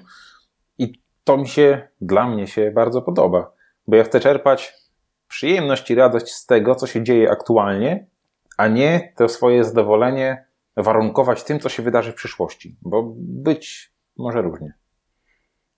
No to jak jest z celami? Ty mówisz, e, w mailingu mówisz, że nie, nie do końca cele, no. cele określasz. To jak, jak wyjść z tego, z tego z tego myślenia o celach. Ale wiesz, też wcale nie uważam, że ustalanie celów jest koniecznie jakieś złe, bo jeżeli. No, jeszcze raz podkreślę, że ja ten komunikat swój kieruję do osób, które są za bardzo, za szybko, nie? Zbyt ambitne, mhm. zbyt zaganiane, zbyt zalatane. A jeśli ktoś tylko siedzi, płacze, narzeka, że jest źle, no to coś trzeba zacząć robić, no samo się nie zrobi, nie? I tutaj nawet wygranie szóstki w totkach, po pierwsze nie wydarzy się samo, tylko trzeba los kupić, a po drugie to w takim wypadku ono by więcej złego zrobiło niż dobrego. Ale postawienie sobie jakiegoś celu, chociażby takiego, że będę programistą, to, to, to nie, nie ma w tym niczego złego. Ja u siebie po prostu teraz obserwuję, że kiedyś miałem tych celów po pierwsze bardzo dużo, a po drugie one często nie były spełniane i nie miało większego znaczenia, co się wydarzy po drodze. Mnie bolało to, że ja tego swojego celu nie osiągnąłem, a to, co ta cała droga właśnie nie miała znaczenia. Ja teraz od dłuższego już czasu chcę cieszyć się tą drogą, a nie tym, że jakiś tam cel osiągnę. I dodatkowo daje mi to to, że jak nie mam wypełnionego kalendarza w 100%, nie mam jakiejś tam swojej to-do listy, której nie mogę po prostu z dnia na dzień skasować w 90%, tak jak teraz aktualnie jest. Gdy mam po prostu takie wolne cały czas moce przerobowe, to ja jestem otwarty na to, co się może wydarzyć. I w ten sposób w tym roku, właściwie cały rok, y, ten 2019 tak działam i różne rzeczy, które się wydarzają, one się wydarzyły dzięki temu, że ja nie, nie byłem zajęty, tylko że mogłem przyjąć jakąś okazję, która się nadarza. Czyli co, zarzucić kilka spławików jednocześnie, a nie iść tam tylko, nie wiem, w jedną stronę, nie, nie, nie, nie brnąć w zaparte w jedną stronę, tylko zwiększać ilość możliwości, jakichś takich, wiesz, possibilities? A no widzisz, nie wiem. Ja tak aktualnie działam i to się dobrze sprawdza i jestem przekonany, że to się może często sprawdzać, ale do tego są pewne warunki do spełnienia, no bo tak jak mówię, jeśli siedzisz, narzekasz, płaczesz, że jest źle i tylko siedzisz na tej kanapie albo tam włączasz klan, czy Xboxa, czy co, co tam teraz leci, no to znów, no to, to, to, to, to, to znikąd się nie pojawi. Ale jeśli chcesz być programistą, to tak polecam, żeby robić różne rzeczy. Na przykład pochodzić na meetupy, na przykład pojeździć na konferencje, pewnie szczególnie te darmowe, które się pojawiały, na jakieś targi pracy, poznać jak najwięcej osób. Tak poza samą nauką programowania, która jest taką podstawą właściwie, nie? Ale warto, warto robić też inne rzeczy, czyli no, może chyba można to tak nazwać, jak tymi e, zarzucaniem tych spławików. I takie pójście na konferencję nie musi być konkretnym celem, że ja tam zostawię 15 CV, e, albo że ja tam zdobędę 4 wizytówki, nie? Po prostu pójść i zobaczyć, co się wydarzy. I może się okazać, że jak nie będziemy tak zafokusowani, że ja tam muszę zrobić to, to, to, to, to i to, i już odhaczyłem swoje taski na to-do liście na tej konferencji, to wracam do domu, po prostu pójść z otwartym umysłem i zobaczyć, co się wydarzy. I może się wydarzyć magia, a może się nie wydarzyć nic. Stoicyzm w tym momencie się chyba, nie wiem, stoicyzm się przejawia, przejawia się w twojej głowie w tym momencie? Może być. Czy... Ja tak filozof ze mnie średni, jeśli chodzi o e, definiowanie jakimiś etykietkami. Tych tego, ruchów filozoficznych chyba. No z tych wszystkich to pewnie do tego mi najbliżej, ale kupiłem sobie książkę o stoicyzmie, przeczytałem na razie jakieś sześć stron od lipca, więc tak nie bardzo weszło. A, bo DNA miałeś, nie dało rady czytać książki. Tak, tak. No. Słuchaj, e, jeszcze chciałem zadać pytanie e, odnośnie takiej przedsiębiorczości. No, muszę, muszę, muszę, muszę drążyć w tę stronę slowbizową. Zakładamy, że mm, ktoś ma pracę w miarę jest ok, e, zaczyna coś, zaczyna mu się pojawiać coś, coś, coś w głowie. E, zaczyna robić swój biznes, jakieś, jako, jakąś działalność. Niech to będzie blog, niech to będzie e, nie wiem, wideo, niech to będzie, niech to będzie YouTube. Zaczyna mu się to kręcić. Nie wiem, przychodzą goście. Chciałbym, żebyś powiedział mi, powiedział, powiedział osobom, które zaczynają jakąś działalność, bo według mnie robienie działalności jest super. Kombinowanie, wymyślanie. Jak znaleźć czas, kiedy już się go, kiedy już się go nie ma? No czasu ogólnie jest na pewno mało, bo jak mamy, dajmy na to te standardowe 8 godzin pracy, plus powiedzmy tam godzinkę na śniadanko, golenie. U ciebie widzę, że nie wchodzi w grę golenie, ale jakiś tam, nie wiem, prysznic czy coś, czy bo jakiś ja, Bo ja biedny jestem. E, nie, nie, nie, nie biedny, a leniwy. A biedny i leniwy może też. 9 godzin w ciągu doby. Y, nigdy nie zachęcałem, kiedyś zachęcałem, teraz już nigdy nie zachęcam do tego, żeby spać mało, więc ten 9 godzin plus 8 godzin, czy 7 powiedzmy minimalnie na sen to już jest 16, to, to zostaje wcale niewiele, nie? Jak się jeszcze ma mhm. rodzinę szczególnie, to też nigdy nie zachęcam, żeby ich zaniedbywać, bo potem jak będziemy umierać, to nie będziemy żałowali, że ale za mało pracowałem, tylko raczej, że o Jezu, nikt mnie nie lubi. I tego czasu faktycznie jest mało i tutaj warto tak, y, warto działać skutecznie. O. I bez mhm. Y, koniecznie jakiegoś reżimu, co może być sprzeczne z tym, co powiedziałem wcześniej. No to wyjaśnij. Z tym reżimem Chodzi mi o to, że nie jest tak, że musimy mieć koniecznie jakiś właśnie ustalony sobie cel, że w ciągu miesiąca, trzech, nie wiem, czy będę miał tysiąc osób odsłon, czy będę miał jakieś pierwsze pieniądze z tego. Po prostu warto jest robić coś, co nam sprawia frajdę, żeby to było hobby. A jest takie, mhm. taka mądrość życiowa pewnie znowu z Chin, że jak chcesz komuś zepsuć hobby, to zacznij mu za nie płacić. I niestety tak Bywa, nawet w przypadku programowania, że ktoś sobie pokoduje coś w domu, wydaje się, że to jest takie super, potem idzie do pracy jako programista, się okazuje, że to jest w ogóle co innego, nie? I gdy przychodzi taki czas, o którym mówiliśmy wcześniej, że jak zgłaszane są kolejne bugi, i ja kurde nie mogę przejść do nowego projektu świecącego, a muszę te bugi poprawiać i poprawiać i poprawiać, krzyczą na mnie, bo ciągle nie działa, no to to jest ta prawdziwa praca za kasę, bo za kasę już ktoś może wymagać. I u mnie tak było trochę z blogiem, nie? że to, to było dla mnie świetne przez długie lata, jak to robiłem, ale gdy zacząłem na tym zarabiać, to się okazało, że to już nie jest taka frajda. Dlaczego? Bo to zaczęła być praca. Bo wyniki? Zaczęła być praca. O, o, okazało się, że jeśli jakaś firma na przykład za coś mi płaci, ja od tego bardzo stroniłem, ale to jednak kilka razy coś takiego musiało być wykonane, że jeżeli jakaś firma mi za coś płaciła, to miała jakieś konkretne oczekiwania. I ja czasami te oczekiwania spełniałem, a czasami nie. Teraz, jak robię jakieś akcje z firmami, co się zdarza ekstremalnie rzadko, to już właściwie teraz mam taką pozycję, że mogę powiedzieć po pierwsze, że z firmami nie, nie współpracuję, a po drugie całą tę odpowiedzialność nauczyłem się już, że tak warto w moim przypadku robić, że to nie ode mnie zależą te wyniki, ale od tej firmy, która płaci. Czyli to firma ma dostarczyć mi materiał, to firma dostarcza eksperta, który coś tam fajnego mówi, a nie ja to robię za nich. A to też nie każdy może sobie na coś takiego pozwolić i też nie wiem, czy każdy powinien starać się monetyzować zaraz wszelkie działalności, bo tak jak mówię, to może zabić całą przyjemność. Fajnie jest mieć coś, co może doprowadzić w różne ciekawe miejsca, jak chociażby blog, do czego zachęcam od zawsze, żeby zakładać blogi czy podcasty programistyczne. E, szczególnie e, mówię to do osób, które chcą zacząć swoją przygodę, dokumentować swoją drogę i to może do, zaprowadzić w, najróżnie, w najróżniejsze dziwne miejsca przepiękne, ale niekoniecznie tam ta stówka z reklam, czy tu jakieś pięć stów z jakiś artykuł sponsorowany, to to nie jest to, o co warto walczyć. Ale jeśli chodzi o czas, no to właśnie trzeba zaakceptować, że tego czasu jest mało. Więc trzeba mądrze wybierać to, co ja chcę robić. I ja kiedyś wybierałem bardzo niemądrze, na, na, dalszym, na, na, na najdalszym planie, mając swoje zdrowie i swój sen. Wtedy robiłem wszystko, ale za to spałem po trzy godziny na dobę i to trwało długo, nie? I do tego nie zachęcam. Ale gdybym spał aż więcej, ci, to bym nie. Aż ci zdrowie nie siadło i zaczęło kapać na tą. Na, tak na było, to już. Tak. To, aż wyświechtana historia, więc już tego nie mówię, ale tak, tak te, tego skończyło się krwotokiem jak najbardziej i, i się wystraszyłem. Teraz moje, e, moje pytanie e, w takiej mojej działalności to jest pytanie dokładnie ode mnie. Chodzi mi o delegowanie. Jakbym miał e, poprosić Ciebie o, o radę, bo jesteś, jesteś e, dalej w tym, w, nie wiem, w tworzeniu mediów.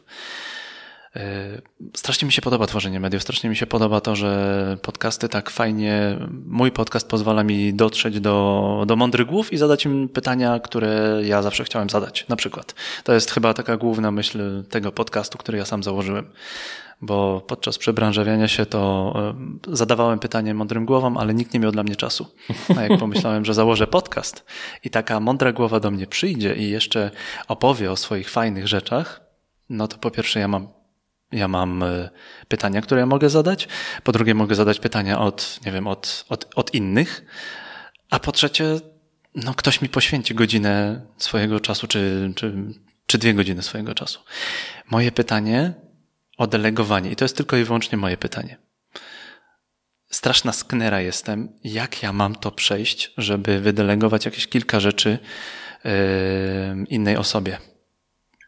No nie mogę tego, nie mogę tego po prostu przejść. Nie mogę, jeżeli już coś zarobię, to ja jakoś mam, mam straszny problem z tym, żeby wydelegować, żeby zapłacić innej osobie. Nie, może nie miałbym problemu, żeby zapłacić innej osobie, ale żeby przejść ten moment, żeby poprosić kogoś o, o pomoc i wtedy zapłacić. Mhm. Zresztą masz rację, jestem daleko dalej w tej drodze, nawet slow wspomniany przez ciebie. Ono mnie kosztuje mhm. jakieś pół godziny czasu tygodniowo, czasem nawet 15 mhm. minut, czasem w ogóle nic, a tam bardzo dużo się dzieje, bo tam akurat ja prawie nic nie robię, tylko dużo bardzo rzeczy robi szczególnie Magda z mojego teamu.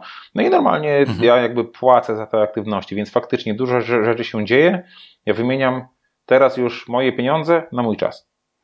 I to jest dla mnie transakcja, która jest E, Dałeś właściwie radę taki stówę zamienić no na godzinę? brainer. Stówę zamienić na godzinę. Hmm, tak było ostatnio napisane. No właśnie. No, e, nie, to też nie do końca, bo godzina czyjaś to niekoniecznie godzina moja. Znaczy, ale dobra, to, to, to nieważne. To, co mówisz, e, to jest duży problem, bo ta sztuka delegowania to jest bardzo trudna sztuka. Oddanie mhm. komuś części obowiązków, zapłacenie jeszcze za to i potem ocena efektów i wyrażenie tego, czy to było dobre, czy to nie było dobre. Do tego potem dochodzi jakieś ewentualne zwolnienie albo ewentualne poszukanie kogoś jeszcze. I u mnie ta droga trwa już od, e, od kiedy właściwie mój podcast DevTalk się narodził. E, wtedy Krzysiek Śmigel, którego serdecznie pozdrawiam i bardzo mu dziękuję. Już du dużo lat współpracujemy. Po pierwszym, Pozdro Krzyśku. po jednym czy po dwóch odcinkach mojego podcasta Krzysiek do mnie sam napisał, że gdzieś tam zauważył, że ja przez godzinę nagrywam podcast, a potem przez 7 godzin go montuję, bo tak faktycznie pierwszy odcinek 7 godzin montowałem. I czy tam 6, ale to było jakieś strasznie dużo czasu, nie? I tak napisałem gdzieś chyba na Twitterze, że ja tego sobie za bardzo nie wyobrażam. No i ty, Krzysiek, do mnie się odzywa, że słuchaj, to ja zrobię to, to za ciebie, bo fajnie, żeby taki podcast się utrzymał, żeby z takiego powodu, jak twój brak czasu, żeby to nie, nie, nie zdechło. No i faktycznie Krzysiek montował te podcasty. Wtedy było to za darmo. Teraz bym już nie wszedł taki deal, teraz nigdy nie biorę pracy za darmo. Ale wtedy też miałem takie poczucie, że skoro Krzysiek to robi, to warto się mu jakoś za to odwdzięczyć i spróbować ten podcast właśnie zmonetyzować. I mi się wydaje, że jeśli myślisz o delegowaniu zadań, to to jednak warto, żeby to delegowanie dawało ci jakieś wymierne korzyści. I jak z podcasta nie zarabiasz, to pomyśleć, jak można z niego zarobić. Mając na względzie to, że to wtedy może przestać ci się podobać. No bo jednak to, to, to jest faktycznie tak, że te nasze kochane pieniążki uciekają do kogoś innego. I, I jest teraz kwestia, że ten czas, który ty odzyskujesz, co możesz z nim zrobić? Możesz nagrać więcej mhm. odcinków podcasta, ale wtedy będziesz coraz więcej płacił za to, że ktoś go za ciebie zmontuje, albo że ktoś go za ciebie wypromuje, albo że ktoś napisze notatki do tekstu. W moim podcaście DevTalk ja jedyne co robię, już nawet nie umawiam godziny nagrania. Nie? Godziny nagrania z gośćmi umawia moja Ania, ja tylko wchodzę, nagrywam, wysyłam mp3, czytam wave'y w chmurę i potem wszystko się dzieje samo. Nie robię graficzek, nie piszę tekstów, nie scheduluję social mediów, nic. Ja tylko nagrywam i wszystko dzieje się samo i ja za te wszyscy, cały ten proces każdy taki odcinek kosztuje mnie w sumie pewnie z parę stów, y, który ja wypuszczam.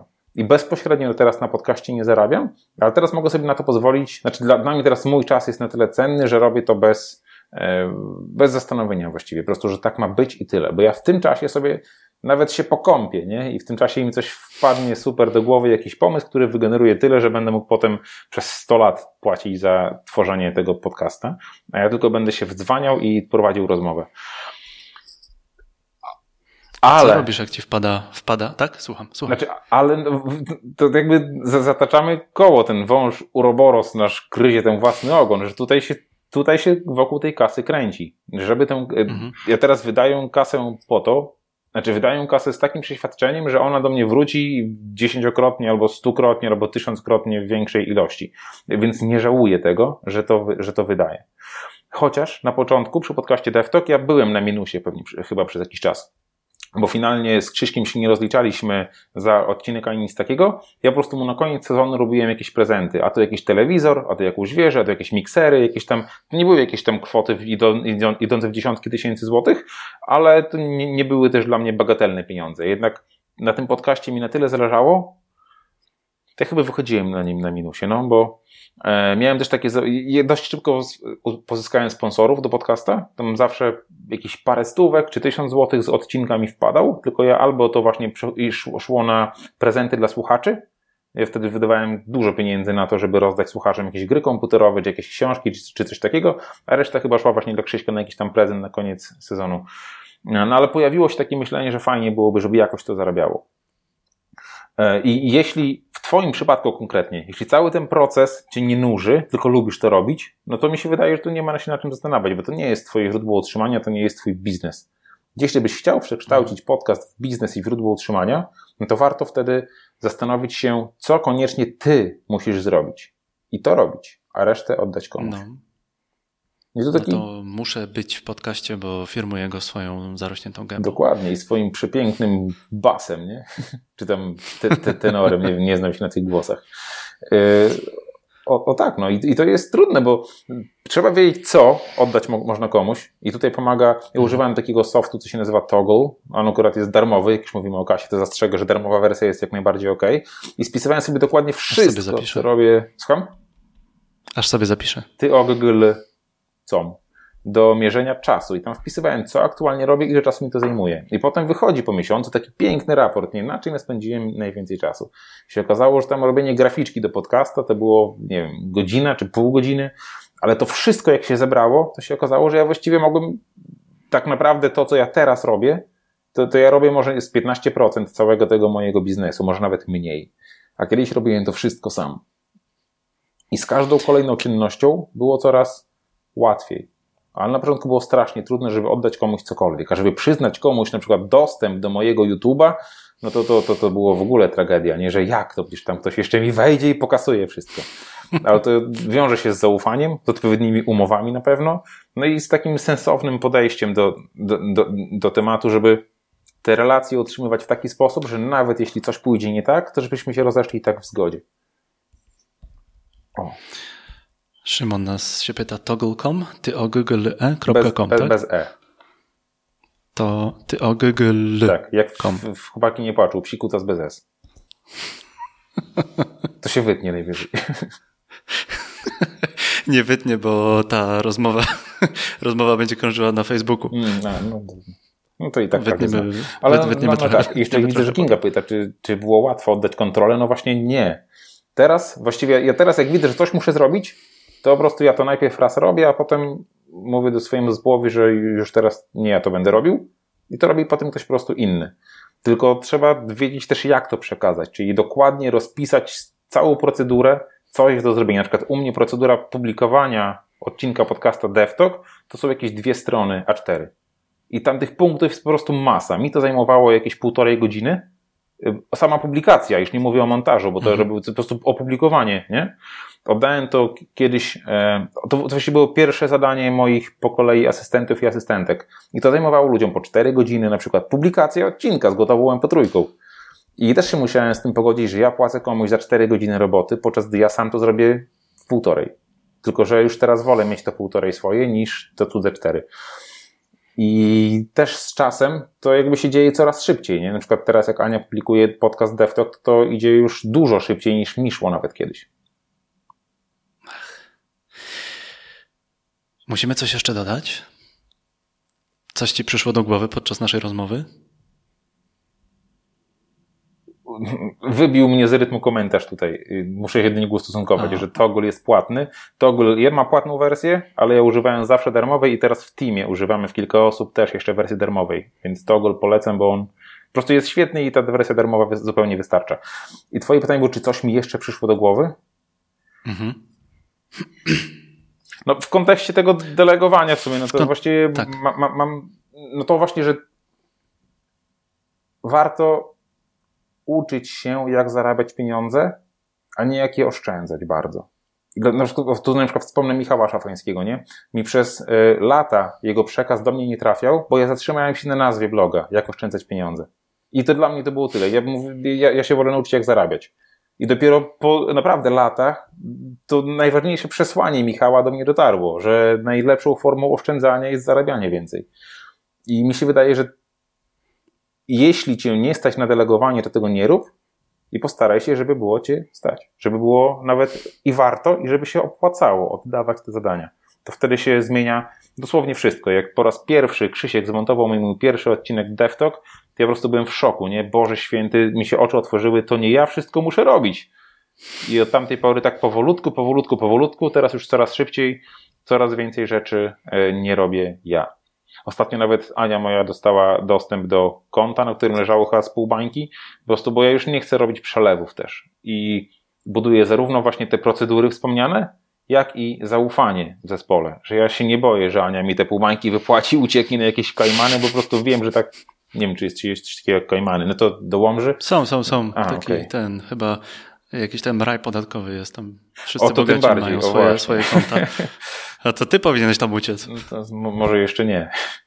I nie, nie, nie, pamiętam. Aha, zaufanie. No, to, to, to, zaufanie jest ważne. I dbanie o to, żeby ktoś cieszył się z tego, że może nam pomagać w jakiś sposób. Oczywiście biorąc za to kasę i żeby. A to w sumie to też mogę powiedzieć swoją, e, swoją strategią negocjacji, o której mówiłem kiedyś na YouTubie, że ja nie negocjuję, tylko pytam drugą osobę, ile za to chce.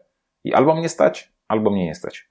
Nie zdarzyło się chyba od lat, że ktoś powiedział, że coś zrobi dla mnie za tyle, a ja powiedziałem, że nie, ale jeśli zejdziesz z ceny, to idziemy z tematem. Nie. Po prostu jak ktoś chce więcej niż ja jestem w stanie wyłożyć, to szukam kogoś innego, bo ja chcę, żeby ludzie zarabiali tyle, ile chcą. Tylko niekoniecznie u mnie. I tak przyjmowałeś ludzi do, do swojego teamu, tak? Tak, tak. Wszyscy u mnie w teamie musieli się tak określić. Teraz jest 7 czy 8 osób. Wszyscy musieli się w taki sposób określić. I zdarzały się, wiesz, jakieś takie strzały podczas rekrutacji, jakieś tam chore strzały. Na przykład jak przyjmowałem osobę do montażu e, vloga, co właściwie ja sam robiłem w 20 minut montaż swojego mhm. vloga, bo ja staram się, żeby ta osoba, tylko w tym przypadku teraz jest to Andrzej Kornoś, on dostaje już pocięte kawałki, które trzeba wrzucić do programu, skleić w całość, dołożyć muzyczkę, render i na Vimeo akurat, bo Andrzej nie ma dostępu do YouTube'a. I to, to, to, to mi zajmowało mało, nie? I ktoś do mnie pisze, że on to zrobi, a jego stawka to jest 150 zł za odcinek. I ja mu odpisuję, słuchaj stary, ale to odcinków może być nawet 20 w ciągu e, miesiąca razy 150 to jest sporo jak na 25 minut roboty per odcinek. Więc dziękuję, ale nie. I nie było czegoś takiego, że ale jak zrobisz za, za mniej, to, to, to okej. Okay. No i ta osoba mhm. sama odpisała. To w takim razie ja schodzę do 50. No to wtedy już się po prostu zdenerwowałem. Nie, to ty, to ty chciałeś mnie na stówę na odcinku co, orżnąć? To gdzie, gdzie ta stuwa się podziała? I to taka osoba nie ma w ogóle już jakby wstępu do mojego imperium więcej. Dziękuję Ci bardzo. To są wszystkie moje, moje pytania, ale powiem Ci, że Wolmo y, Znowu, podcast. Wziąłem sobie, udało mi się Ciebie zaprosić i mogę sobie zadać te pytania o Wolmo, które mi wychodziły akurat podczas. To, to, są, to są rezultaty Twojej, e, twojej korespondencji, która do mnie trafia regularnie. A, no to, to... mogę też powiedzieć, to też to, to nie jest Dawaj. tajemnica, mówiłem to wielokrotnie. Jak startowałem cały projekt Slowbiz, to wiedziałem, że coś mam do przekazania, że jest tego mhm. dużo, tylko że ja tego nie napiszę. Więc zrekrutowałem. Ale piszesz, poczekaj, poczekaj, no właśnie, bo więc zrekrutowałem Magdę, która pisze Aha. te słowa, które ty otrzymujesz, tylko to są moje słowa, które mhm. ona otrzymuje w wersji audio. Robi ze mną wywiady trwające około 15 minut, gadamy sobie przez telefon na konkretny dany temat i potem Magda ten wywiad nagrywa i robi z niego tekst. I więc... Czyli ty się musisz wyjaić, a ona to musi napisać. Tak. I rekrutacja Magdy wyglądała w taki sposób, że ona musiała taki tekst napisać, mi, żeby on wyglądał tak, jakbym napisał go ja. I faktycznie one wyglądają dokładnie tak, jakbym napisał je ja. Nie wiem, ile tekstów moich Magda przeczytała. Ona jak prowadzi swojego bloga, to te teksty wyglądają inaczej, więc robi to naprawdę rewelacyjnie. E, I po prostu to się nazywa ghostwriting, nie? Ale po prostu byłem świadom tego, że nie odpalę dużego projektu, który na razie jeszcze jest mniejszy niż będzie za nie wiem kiedy, nie, nie za nie wiem ile, jeśli ja będę musiał to robić cokolwiek więc tam mailami zajmuje się właśnie Magda. Jak będzie coś jeszcze więcej jakichś tam aktywności, a będzie, to też większość z tego będzie działo się bez mojego bezpośredniego udziału. Teraz widzę siebie jako tak, wiesz, wymyślam jakiś pomysł, jakąś tam wizję, jakiś kierunek i to się po prostu dzieje, podczas gdy ja chodzę sobie po lesie.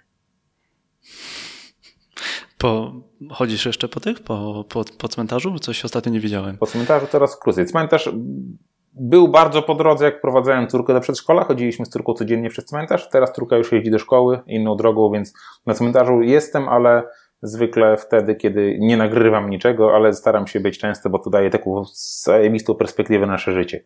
Że te moje problemy, jak mi się wydaje, że jakieś mam, to idę na cmentarz i przypominam sobie, że że nie, że moje życie jest idealne w porównaniu do tego, że mógłbym, nie wiem, jakiegoś mieć raka, czy właśnie się pakować tam na wyjazd w jedną stronę, albo ktoś z moich bliskich. To tylko jeszcze powiem, że w takim razie masz świetną ghostwriterkę, bo nie wiedziałem, tak. nie wiedziałem, nie wiedziałem, że to się tak dzieje i yy, tak, pisze do mnie Aniserowicz, a nie Magda. Tak, tak, tak. Tylko to właśnie, to też przy rekrutacji było jasno powiedziane, że ty będziesz pisała słowa moje i to będzie moim nazwiskiem.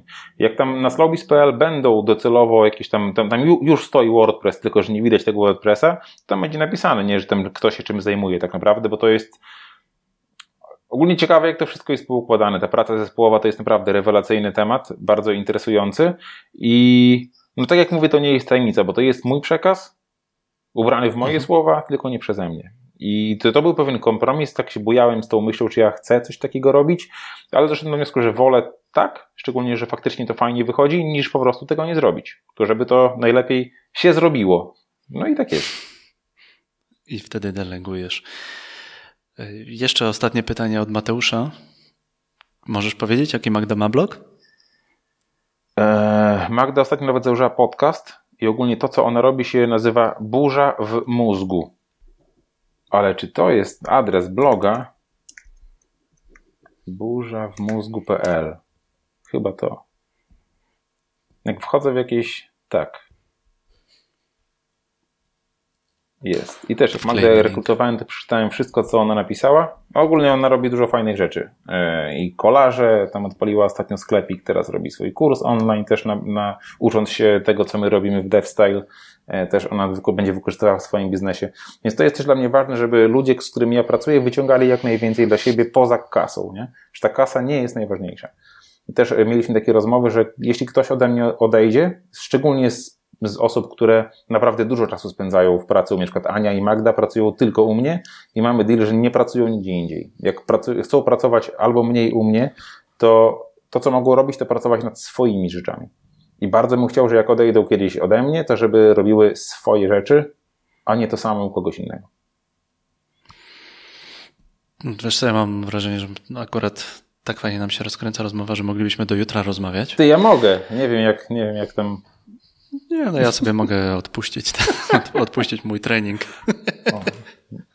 tak, chociaż, chociaż, nie, chociaż nie widać to, e, to mnie z kolei to tylko ja się wyjaję teraz. Y, mnie bardzo mocno y, takiej, mm, takich małych kroków nauczyło bieganie, bo y, kiedyś dawno temu byłem sobie w Rosji, na północy Rosji i spędziłem tam noc polarną, a noc polarna w Rosji wygląda tak, że jest ciemno i jest ciemno tak, jak sobie tego nie wyobrażasz, nawet w mieście jest ciemno.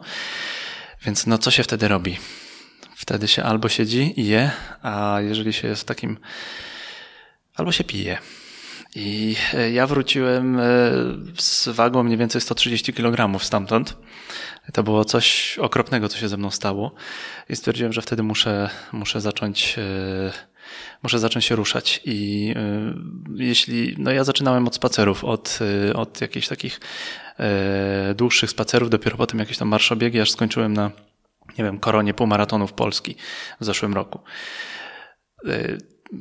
to dlaczego ja tu mówię? A to dlatego, że no, ty mówisz o małych krokach, a u mnie te małe kroki to były niemalże dosłownie. Mhm. Polegały po prostu na tym, że zacząłem chodzić do parku, aż, aż udało mi się zrzucić ponad te 30 kilo. To było coś, hmm. coś wow. Nice. To gratulacje. Znaczy właśnie, małe kroki. Mówiliśmy też, mówiliśmy też wcześniej o jakimś tam roszczeniowym trochę podejściu i o tym, że chcemy wszystko już mhm. teraz. Ale to właśnie warto sobie uzmysłowić, że to nie jest już teraz, to nie jest pewnie tak, że te 30 kilo schudłeś w ciągu dwóch tygodni, czy nawet miesiąca, nie? No nie, w ciągu, w, w ciągu więcej niż półtora roku. No właśnie. Prawie, prawie, prawie w ciągu dwóch lat. Więc to też sobie trzeba z tego zdawać sprawę, że coś zaczniemy robić, ale efekty widać po jakimś czasie. Dlatego też no w książce mojej mocno mówiłem o tym, że jeśli chcesz faktycznie startować coś, to może o to ci chodziło, jak pytałeś o tą działalność, teraz tak mi się to spina. Mhm. Chcesz coś robić faktycznie swojego, no to musisz mieć kiedy. Jeśli nie chcesz mhm. zredukować liczby snu, ilości snu, nie chcesz zredukować nie ilości czasu z rodziną, no to zostaje ci praca, musisz pracować mniej. Ale żeby to osiągnąć, to musisz swoją pozycję w firmie zwiększyć. Zaczniesz zwiększać ją już teraz, to być może za rok, półtora czy za dwa lata pójdziesz na rozmowę i wtedy powiesz, ej, ale ja pracuję teraz mniej. I tak naprawdę wpływ tej książki na IT to i jak ona tylko wyszła, to tam były albo oceny bardzo dobre, albo oceny bardzo złe, nie? I to było w sumie takie fajne, bo ja tak lubię polaryzować trochę czasami, tak, że albo hejciki, albo takie o, y, słodzenie straszliwe, ale jak minęło pół roku, minął rok, to zacząłem dostawać taki prawdziwy feedback od ludzi, którzy zaczęli stosować to, co tam jest napisane. Jedna osoba napisała Sam mi, ty, słuchaj, że ja teraz faktycznie pracuję, minął rok na przykład, nie ma przeczytania książki, ja teraz pracuję cztery dni w tygodniu, a nie pięć bo zrozumiałem, mhm. że niekoniecznie muszę iść po podwyżkę, ale mogę iść po zmniejszenie czasu pracy i teraz mam cały dzień w tygodniu na to, żeby wystartować coś swojego. Albo ktoś inny napisał, że y, dzięki innym tam poradom na przykład zarabia 2000 więcej. I że to jest prawie dwa razy tyle, co zarabiał wcześniej. Więc jestem strasznie zadowolony, że udało się takie coś wypuścić i że faktycznie to, to, to się okazuje, że teraz w praktyce nie tylko mojej, że to nie są bzdury. No, bez lizusostwa tutaj ja swoją gębą zaświadczam, że warto tę książkę przeczytać, bo fajnie jest, że nie owijasz bawełny i mówisz, że będzie, będzie, będzie źle, będzie, będzie ciężko. No bo Tylko będzie, no bo co tu się oszukiwać? No, no, no, będzie, no będzie. Akceptacja no rzeczywistości będzie. to pierwszy krok do tego, żeby ją zmienić, jeśli się chce. To są wszystkie pytania, które chciałem Ci zadać. Póki co, a jak coś, to na pewno będę do Ciebie pisał. E, namaste, czy co, nie wiem, co znaczy namaste. Jeszcze nie, bo jeszcze widzisz, że ciebie się zalecam, to, bo nie wiem, co to znaczy bez kitu. To, to, to, chyba dzień, dzień dobry był. Coś było. To by trzeba się, wiesz, kogo spytać? Twojej y, koleżanki, która wygrała Pokaż się. Y, nie, daj, się, się poznać. poznać. No to y, Joanna Bochyńska, obecnie Otmianowska. Też z nią jakiś czas temu podcast miałem, też wideokast i ona chyba umie po hindi. Ona umie chyba język hindi, nie? O, widzisz. Czyli to nie jest zaklęcie z Harry'ego Pottera. Nie, teraz to żartuję, teraz to sobie rwę jaja, aż takim ignorantem nie jestem. Wiedziałem, że to jest te słowo. Trificus totalus to było chyba w Harry Potter, albo coś takiego. Lumos, no, nie pamiętam. Ale Hamora, tak, różne rzeczy. Dziękuję Ci bardzo. Fajnie mi się z Tobą rozmawia, fajnie, fajnie, że znalazłeś dla mnie czas i fajnie, że, że mogłem Ci zadać te pytania, które, które sam mi we mnie, w mojej głowie sprowokowałeś podczas swojej slowbizowej korespondencji. Super. A właśnie, tak. rozmawiamy o godzinie wieczornej i właśnie to jest tak. u mnie slowbiz w praktyce, że jeśli, i w sumie um, zaczęliśmy się umawiać, tak jak mówiłeś wcześniej, parę miesięcy temu, nie? Jeśli, mhm. byś, jeśli byłaby możliwość, Latem. że rozmawiamy między 9 a 15, to ja mogę prawie każdego dnia. Ale jeśli to jest po 15, no to u mnie trzeba się wbić w kalendarz z kilkutygodniowym wyprzedzeniem, bo to jest właśnie na cały ten mój slobi, to są priorytety, że jak kończy się praca, to faktycznie staram się być po prostu sobie w domku, bo lubię być w domku. Albo w kinie na, e, gdzie ty, na, na Bohemian Rhapsody, albo gdzieś tam, a nie robić rzeczy takie jak teraz. Chociaż też to bardzo lubię. Tylko, no właśnie, takie aktywności po godzinach są bardzo rzadko. Kiedyś rzucałem się na wszystko, teraz jest bardziej na moich warunkach wszystko. No i właśnie to jest slowbiz, do tego też zachęcam, nie? O. Super. Dziękuję Ci, Macieju. Dziękuję Wam, że jesteście. Dziękuję Wam za Wasze. Dziękujemy Wam za Wasze pytania. Dzięki. Yy, mamy teraz tłumaczenie na mastę na czacie. O, kurde. Hello and goodbye. Hello and goodbye. A. Czyli nie dziękuję. Aha, czyli to do widzenia. Był, jak, to na Jakbyś był, jakbyś był guru, to bym mówił na maskar do ciebie, nie? Na szczęście nie jestem. Pytam. Dobrze. Dziękujemy Wam. To był Maciej Aniserowicz, ja się nazywam Jędrzej Paulus, to był podcast Live Developer Wannabe. Do usłyszenia i do zobaczenia. Dziękujemy, do zobaczenia. Na razie. Cześć.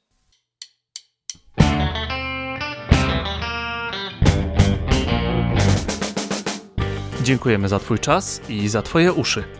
Podobał Ci się odcinek? Daj nam znać udostępnij tę rozmowę na swoim profilu, skomentuj post z naszą rozmową na Facebooku, na Twitterze, na LinkedInie. Możesz też polubić Instagrama Developer Wannabe. Zapraszam. 5 gwiazdek i recenzja na iTunes albo zaobserwowanie na Spotify podnosi ranking podcastu i daje możliwość dotarcia do większej ilości ludzi, którzy chcą zdobywać wiedzę o IT. Naprawdę bardzo dziękuję za miłe opinie. Podajcie podcast dalej. Do usłyszenia.